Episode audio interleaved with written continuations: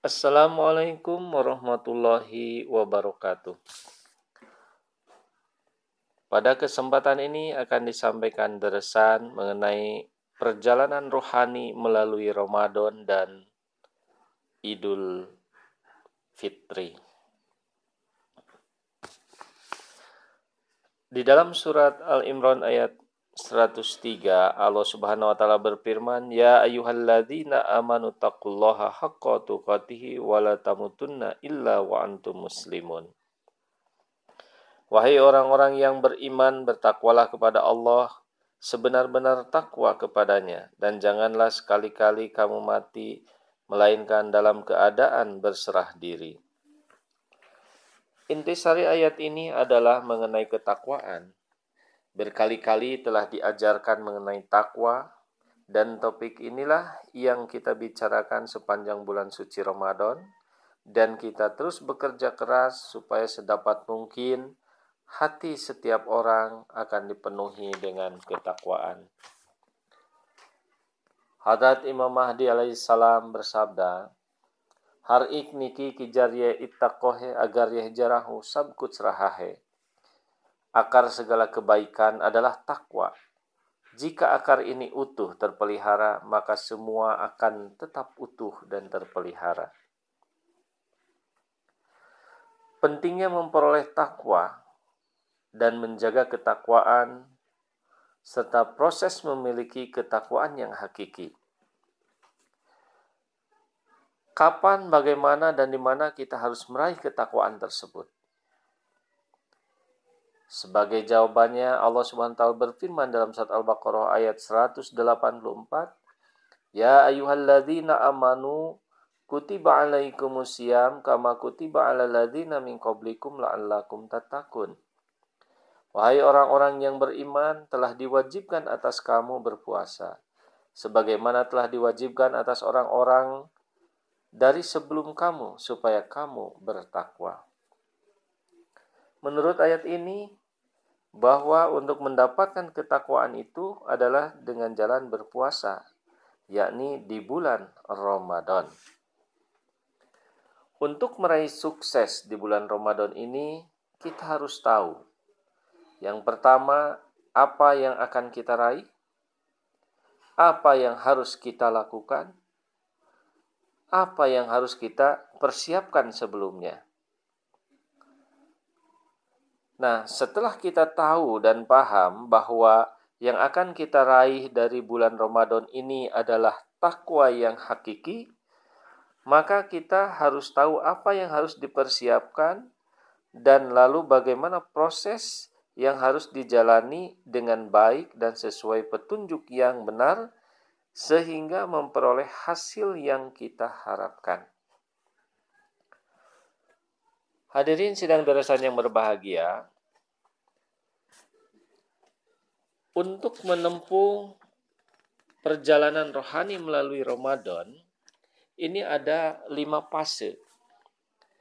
Yang tiga fase seperti kita ketahui bahwa Ramadan ini dibagi dalam tiga fase, sepuluh hari pertama yang disebut fase rahmat, kemudian fase kedua fase magfiroh, fase yang ketiga adalah fase di mana neraka tertutup atau pintu surga dibuka oleh Allah Subhanahu wa taala.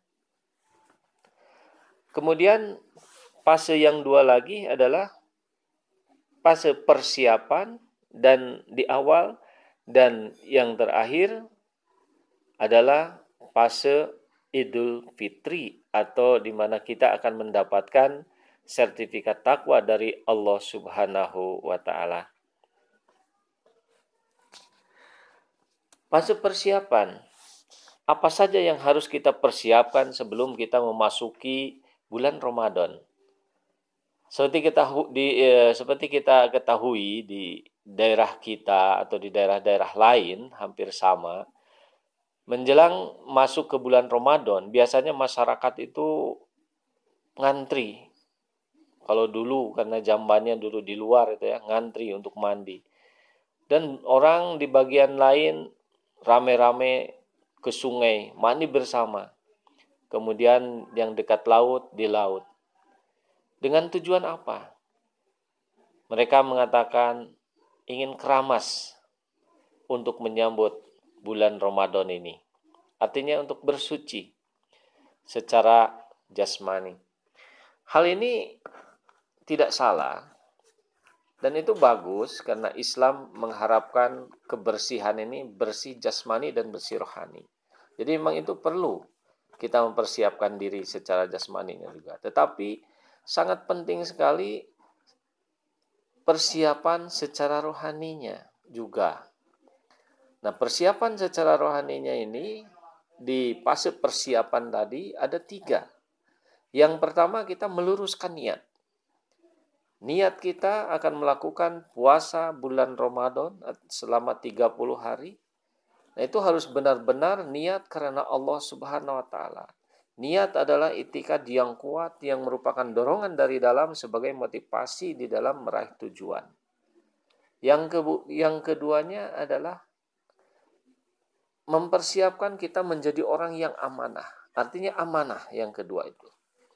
Amanah artinya kepercayaan, jujur, setia dalam menjalankan tugas dengan rasa tanggung jawab. Dan ini sangat perlu dalam melaksanakan ibadah puasa ini.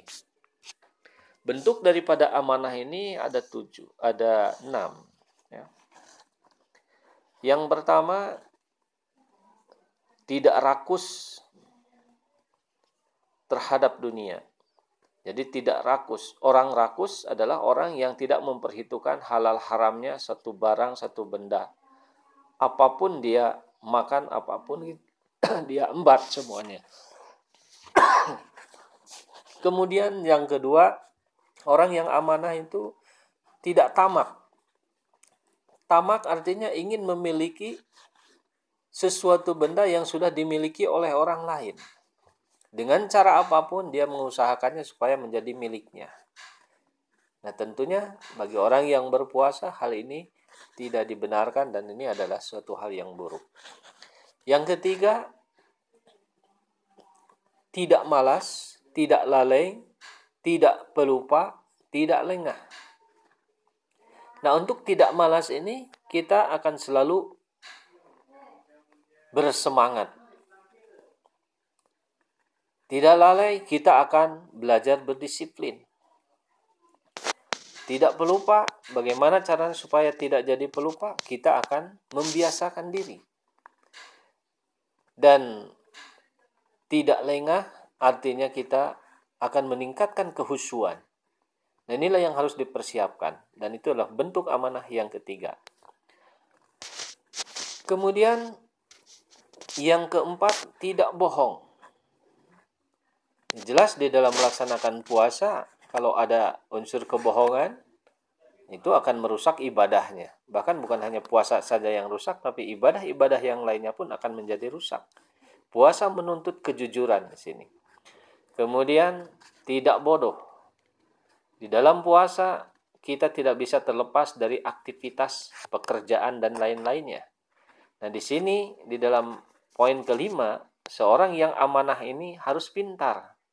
Artinya apa? Pandai memilah-milah dan untuk memilih salah satu yang tepat.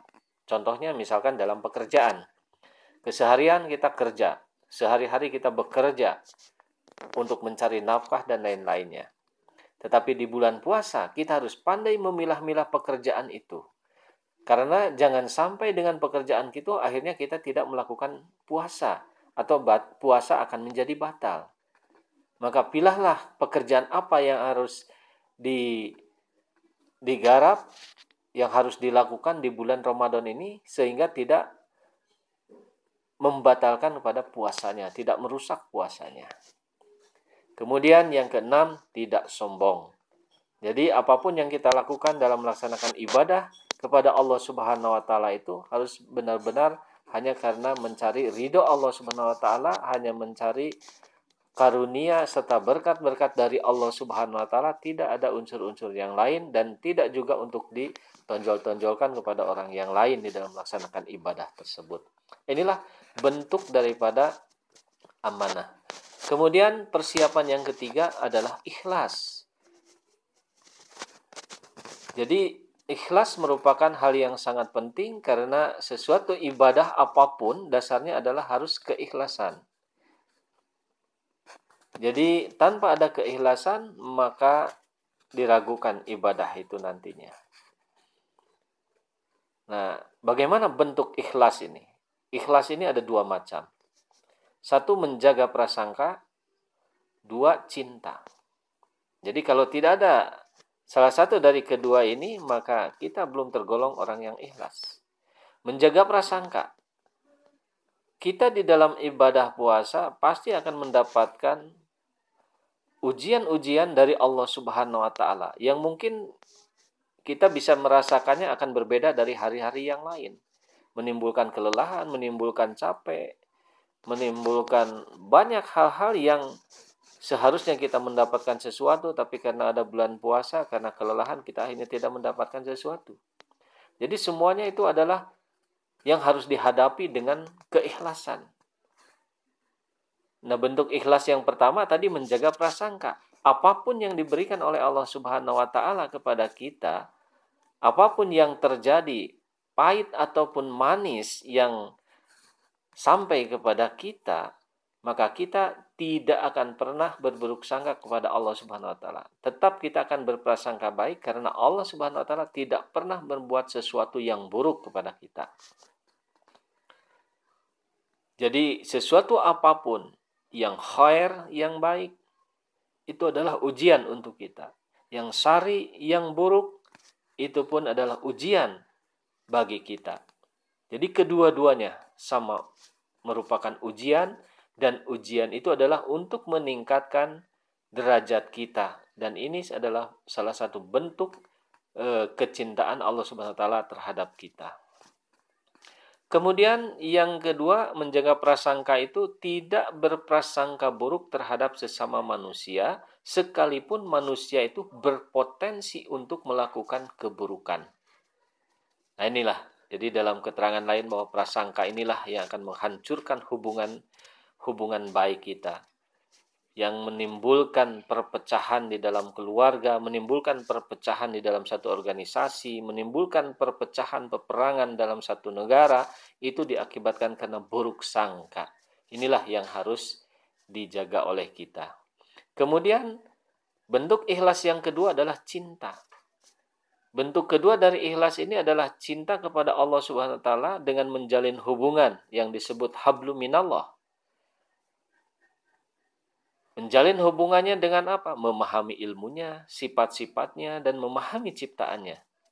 Menjalin cinta dengan cara berdoa, hubungan dua arah antara pemohon dengan sang pengabul doa. Kemudian pengenalan atau sampai pada tingkat makrifat artinya jadi terjadinya atau diberikannya mimpi-mimpi oleh Allah Subhanahu wa taala, kasab ya ilham dan lain-lainnya itu semua adalah karena diakibatkan hubungan cinta kita dengan Allah Subhanahu wa taala. Kemudian yang kedua cinta ini adalah yang berhubungan dengan manusia atau hablu minanas.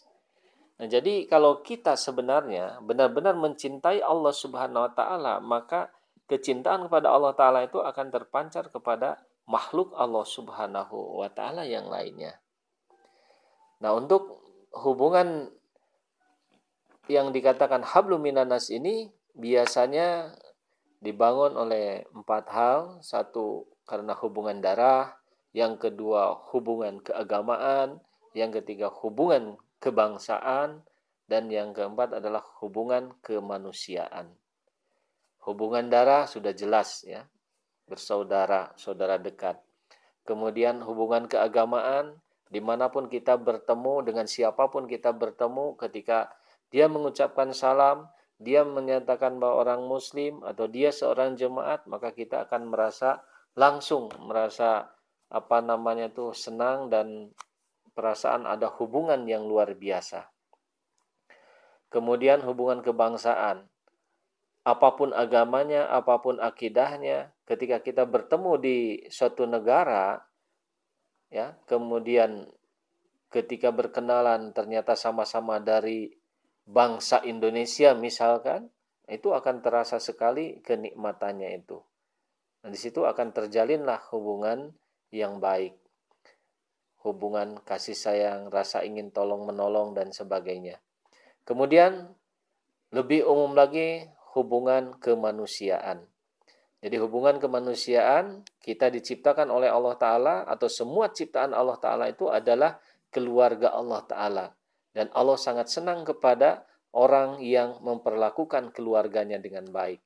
Jadi kepada siapa pun pendeknya kita ini, manusia mana pun, kulit apa pun, agama apa pun, kita tetap harus mencintai mereka karena mereka adalah sebagai makhluk Allah Subhanahu wa taala sama yang diciptakan oleh Dia ya antara kita dengan mereka itu sama adalah makhluk Allah taala ciptaan Allah Subhanahu wa taala. Nah, inilah eh, bentuk daripada ikhlas ya. Jadi kalau tidak ada kedua unsur ini kita melakukan segala sesuatu kemudian kita merasa belum mendapatkan sesuatu yang kita inginkan lalu kita mengatakan saya kan udah begini saya kok tadi udah sholat saya udah melaksanakan puasa saya udah melaksanakan pengorbanan tapi kok begini gitu Nah, jadi ini adalah sudah berprasangka buruk terhadap Allah Subhanahu wa taala. Sedangkan orang yang ikhlas ini tadi tidak akan pernah berprasangka buruk, akan selalu berprasangka baik terhadap Allah Subhanahu wa taala karena Allah taala tidak mungkin akan berbuat buruk kepada hambanya. Nah, jadi itu yang harus dijaga. Jadi bagi orang yang ikhlas itu tidak ada lagi kenapa begini, kok begitu, kok begini. Nah, itu tidak akan ada dan akan terjalin saling cinta mencintai antara satu sama lain. Nah, Bapak-bapak, Ibu-ibu sidang Ramadan yang berbahagia, saya kira untuk sementara sampai di situ dulu.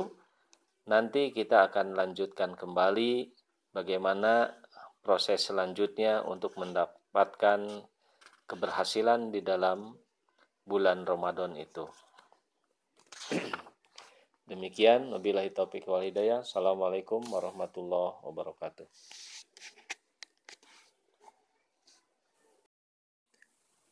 Assalamualaikum warahmatullahi wabarakatuh. Hadirin dan hadirat sidang deresan di bulan Ramadan yang berbahagia. Pada deresan kali ini masih meneruskan tentang perjalanan rohani melalui Ramadan. Kemarin sudah dijelaskan tentang fase persiapan, yakni yang merupakan fase awal, yakni kita perlu mempersiapkan niat yang baik, amanah dan ikhlas. Setelah kita mempersiapkan apa yang dijelaskan tadi, maka mulai kita memasuki bulan Ramadan. Kita ketahui Ramadan ini dibagi menjadi tiga tahapan, dan terakhir barulah ada Idul Fitri. Fase pertama disebut fase kamuflase. Di tahap ini setiap orang beriman harus berusaha untuk menyesuaikan diri dengan Ramadan. Sekalipun masih terasa sulit karena lelah, capek, lapar, haus, dan kadang terlupa masih menguasai dirinya. Di fase ini, Tuhan pun maklum akan keadaan awal melakukan puasa ini. Dan dengan sifat rahmannya, dia pun terus memberikan kekuatan dan sedikit demi sedikit menanamkan rasa cinta dan semangat kepada hambanya. Di tahap inilah fase 10 hari pertama yang oleh Rasulullah Shallallahu alaihi wasallam disebut fase rahmat. Jadi dengan perlakuan dari Allah Subhanahu wa taala kepada hambanya yakni dengan penuh kasih sayang. Dia memahami apa yang terjadi di awal-awal bulan Ramadan ini. Jadi Allah sangat mengetahui hal itu dan Allah tetap mencintai orang yang sedang berusaha ber meningkatkan ibadahnya di bulan ini. Kemudian setelah melewati fase eh, kamuflase tadi, yakni penyesuaian di 10 hari pertama, maka masuklah kepada fase inovasi. Atas berkat dan rahmat Allah Subhanahu wa taala dan atas kegigihan hambanya, ia sampai di fase kedua. Di sini ditandai dengan munculnya ide-ide baru dan sekaligus ia menjadi seorang inovator yang baik dalam mengadakan perubahan-perubahan untuk meningkatkan usaha ibadah puasanya. Di sini Allah Subhanahu wa taala sangat menghargai ide-ide baik dan usaha giginya. Dan atas kelemahan dan keterbatasan kemampuannya, Tuhan pun memaafkannya. Magfirah Allah Ta'ala selalu mewarnai dirinya. Sang hamba pun semakin semangat, tidak malas lagi, tidak lalai dan terus berusaha mendisiplinkan dirinya pada kerohaniannya. Ia tidak menjadi pelupa lagi karena ia terus berusaha membiasakan dirinya. Dan ia tidak lengah lagi karena ia juga sekarang sudah mulai belajar khusyuk di dalam pelaksanaan ibadahnya. Ini adalah semata-mata berkat karunia Allah Subhanahu wa taala yang telah memberikan zanzabil rohani. Satu formula rohani yakni di sini ia meminum khasiat rahmat dan magfirah Allah Subhanahu wa taala. Inilah yang disebut fase magfirah yakni 10 hari kedua. Jadi di situ sudah ada ide-ide baru untuk meningkatkan ibadahnya, tetapi karena masih lemah, masih jatuh bangun di situ, tetapi walaupun demikian Allah Subhanahu wa taala mengampuni mereka. Setelah melewati fase inovasi atau fase magfirah tadi, mulailah masuk ke metamorfosa. Di fase ini sang hamba sudah tenggelam ke dalam kepanaan kepada Allah Subhanahu wa taala. Kenikmatan rohani telah mulai menguasainya. Rahmat Allah mengalir dengan begitu derasnya. Wahyu kasab mimpi pun kadang datang dari Allah Subhanahu wa taala menjadi hiburan rohani yang menyuburkan tumbuhnya keimanan hakiki. Indranya sudah menjadi milik Allah Azza wa Jalla. Tidak ada lagi ketakutan yang menghantuinya dan tidak pula ia berduka cita atau sedih. Ia hanya tunduk patuh kepada Sang Khalik dan terus ia berusaha menyelaraskan dirinya dengan kehendak Allah Subhanahu wa taala. Ia akhirnya masuk ke area istiqomah. Yakni di jalan ini tidak ada lagi kebosanan, putus asa, lelah, dan tidak gentar lagi di dalam menghadapi cobaan. Rela terhadap kenistaan, pasrah terhadap maut, sekalipun tiada sahabat yang menolong, bahkan Tuhan pun untuk menguji tidak memberikan hiburan-hiburan rohani. Ia tetap saja berdiri tegak dan merebahkan lehernya ke hadapan Allah. Seraya mengatakan, apa yang akan terjadi, biarlah terjadi ia tetap tegar, tidak pernah memperlihatkan gelisah, keluh kesah, hingga berakhirnya masa metamorfosa. Maka dengan kekuasaan Allah yang maha kadir, terjadilah metamorfosa, yakni menjadi makhluk yang lain, yang lebih menarik dan mempesona, indah luar dan dalamnya. Bahkan setiap geraknya memberkati, memberikan keuntungan kepada yang lainnya. Allah Ta'ala pun memberikan kematangan di dalam keilmuannya sampai tingkat ma'rifat. Subhanallah. Alhamdulillah. Inilah sebuah perjalanan seorang hamba yang memenuhi tuntutan firman Allah Subhanahu wa taala yakni surat Al-Imran ayat 103. A'udzubillahi minasyaitonirrajim. Ya ayyuhalladzina amanu taqullaha haqqa tuqatih wala tamutunna illa wa antum muslimun. Hei orang-orang yang beriman, bertakwalah kepada Allah sebenar-benarnya takwa kepadanya. Dan janganlah sekali-kali kamu mati melainkan dalam keadaan beragama Islam atau dalam sedang menyerahkan diri kepada Allah Subhanahu wa taala. Allah taala dengan sifat maliknya menganugerahkan kepada sang hamba ini surga dan dan diharamkan baginya neraka bagi dia. Allah Subhanahu wa taala berfirman lagi dalam surat Al-Imran ayat 104. A'udzu billahi minasyaitonir rajim wa kuntum ala safa hufratin minan nar fa anqadakum minha kadzalika yubayyin yubayyinullahu lakum ayatihi la'allakum tahtadun. Dan kalian dahulu berada di pinggir lubang api, lalu Dia Allah menyelamatkan kalian daripadanya. Ini adalah tahapan 10 hari terakhir di bulan Ramadan. Di sini Allah Subhanahu wa taala akan mempatrikan takwa kepada diri seorang hamba yang telah bekerja dengan sungguh-sungguh di bulan ini. Semoga kita bisa meraih karunia ini dengan seizinnya. Amin. Allahumma amin.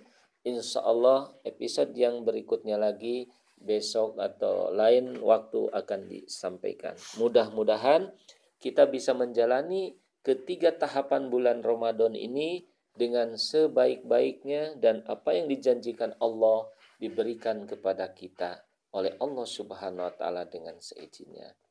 Selalu berdoa pada Allah Subhanahu wa taala.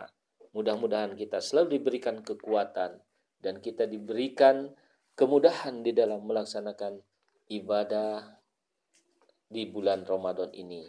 Dan sekali lagi tentunya kita berdoa agar kita juga tetap setelah habis lebaran ini, eh, setelah habis bulan Ramadan ini kita bisa terus meningkatkan ibadah kita kepada Allah Subhanahu wa taala. Mudah-mudahan Allah taala ridho pada kita semua. Wabillahi taufiq wal hidayah. Assalamualaikum warahmatullahi wabarakatuh. Assalamualaikum warahmatullahi wabarakatuh. Sidang deresan yang berbahagia, kita lanjutkan kembali deresan di bulan Ramadan ini tentang perjalanan rohani melalui Ramadan bagian yang ketiga. Telah dijelaskan bahwa dari awal untuk melakukan ibadah puasa di bulan Ramadan itu perlu adanya persiapan. Dengan niat yang tulus, amanah dan ikhlas. Lalu kita memasuki di tahap atau fase yang pertama, yakni fase kamuflase bagaimana kita bisa menyesuaikan diri dengan bulan Ramadan sehingga bisa melaksanakan puasa dengan baik dan benar. Kemudian timbul inovasi, ide-ide baru untuk meningkatkan ibadah puasa dan ibadah yang lainnya, yakni di fase yang kedua, fase magfirah. Setelah berhasil melewati dua fase, kita akan memasuki fase yang ketiga, yaitu fase perubahan atau metamorfosa. yakni ketika kita sudah merasakan satu kenikmatan dan kita sudah ingin berbagi dari kenikmatan-kenikmatan apa yang kita dapat di dalam bulan Ramadan tersebut. Maka pada akhirnya kita akan memasuki fase yang kelima, yakni fase yang terakhir.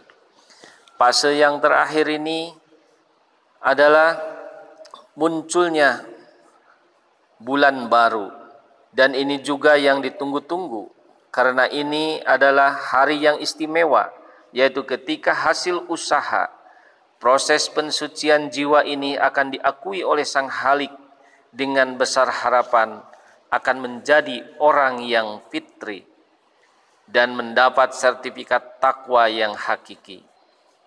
Ciri ketakwaan yang hakiki adalah adanya cahaya atau nur. Dan dengan nur itu, maka segala bentuk kegelapan tidak akan bisa menyatu. Hadrat Masih Maud alaihi salam di dalam salah satu buku yakni Ainah Kamalatil Islam halaman 168 sampai 177 ada tertulis hakiki takwa kesat jahiliyah jamanehi hosakti. Hakiki takwa apne iknu raktihe Firman Allah Subhanahu wa taala Quran surat Al-Anfal ayat 30 Ya ayyuhalladzina amanu in tattaqullaha yaj'al lakum furqana wa yukaffir ankum sayyi'atikum wa yaghfir lakum wallahu dzu fadlil azim Kegelapan tidak akan bercampur dengan ketakwaan. Ketakwaan itu memiliki cahaya sebagaimana firman-Nya, "Wahai orang yang beriman, jika kalian teguh dalam ketakwaan dan demi Allah Subhanahu wa taala kalian tegak dan kukuh di atas sifat-sifat takwa itu, maka Allah akan memberikan perbedaan antara kalian dengan orang lainnya." bahwa kalian akan dianugerahkan cahaya dan dengan cahaya itulah kalian akan mengarungi seluruh jalan-jalan kalian yakni nur itu akan timbul di dalam setiap perlakuan perkataan kekuatan dan indera kalian. Di dalam akal pun ada cahaya. Di dalam pikiran pun akan tumbuh cahaya. Pada mata, telinga, lidah, dan penjelasan-penjelasan kalian, dalam gerak-gerik kalian, dan dalam ketenangan kalian akan timbul cahaya. Setiap jalan yang kalian arungi pun akan ada cahaya. Pendeknya, sekujur tubuh kalian akan berjalan di dalam cahaya. Itulah pengaruh ketakwaan yang hakiki Bagaimana tanggung jawab seseorang yang bertakwa?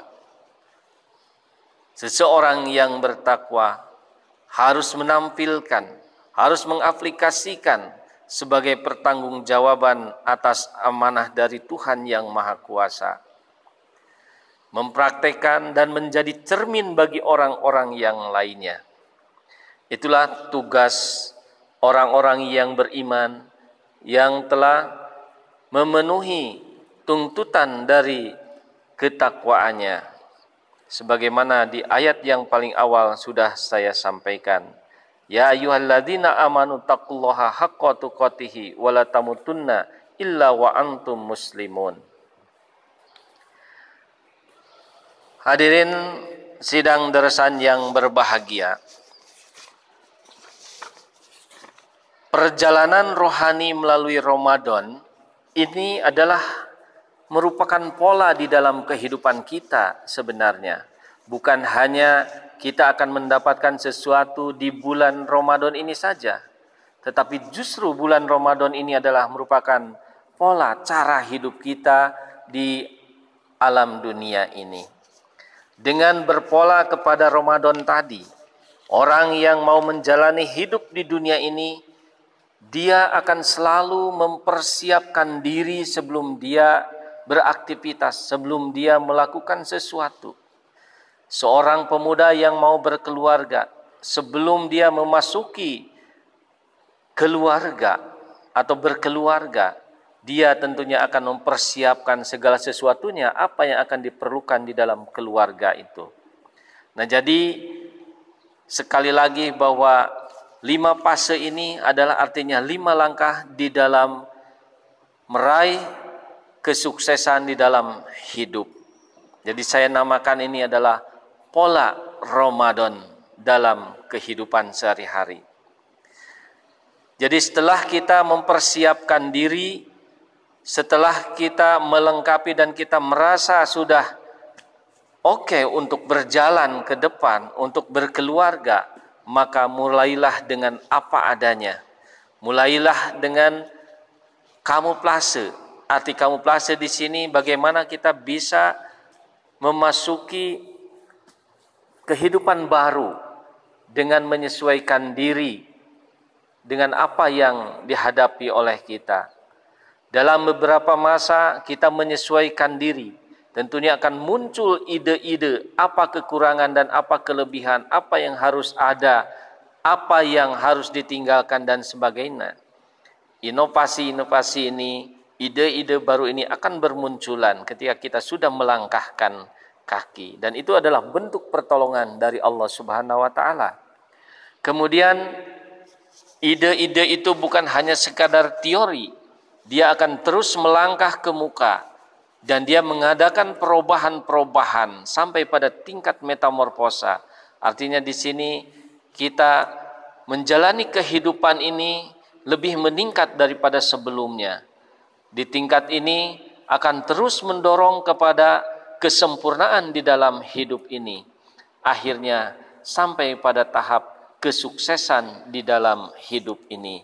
Sebagaimana kita menyelesaikan ibadah puasa nanti setelah kita masuk di fase rahmat, fase magfirah dan fase di mana Allah taala menutup pintu neraka artinya kita akan sampai kepada fase yang kelima fase kebahagiaan fase surgawi yakni kita akan mendapatkan titel sebagai orang yang hakiki takwa memiliki ketakwaan yang hakiki sehingga kita pun akan terlahir menjadi jiwa yang fitri. Itulah gambaran pola dari al uh, Ramadan, bulan Ramadan dan sekali lagi ini adalah merupakan pola untuk mencapai kesuksesan hidup di dalam uh, dunia ini. Mudah-mudahan kita dapat mengambil pelajaran dari setiap ibadah yang Allah Subhanahu wa taala ciptakan. Kita bisa mencari pola dari pola solat,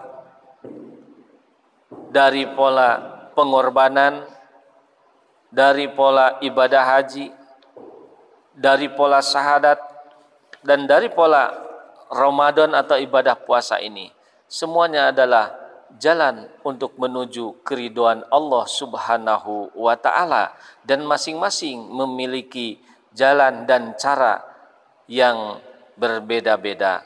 Seperti pernah saya juga katakan, ibadah yang diciptakan oleh Allah Subhanahu wa taala di dalam Islam ini bagaikan bermacam-macam buah-buahan yang beraneka ragam rasa dan khasiatnya. Mudah-mudahan Allah Ta'ala memberkati kita semua. Amin Allahumma amin. Wassalamualaikum warahmatullahi wabarakatuh.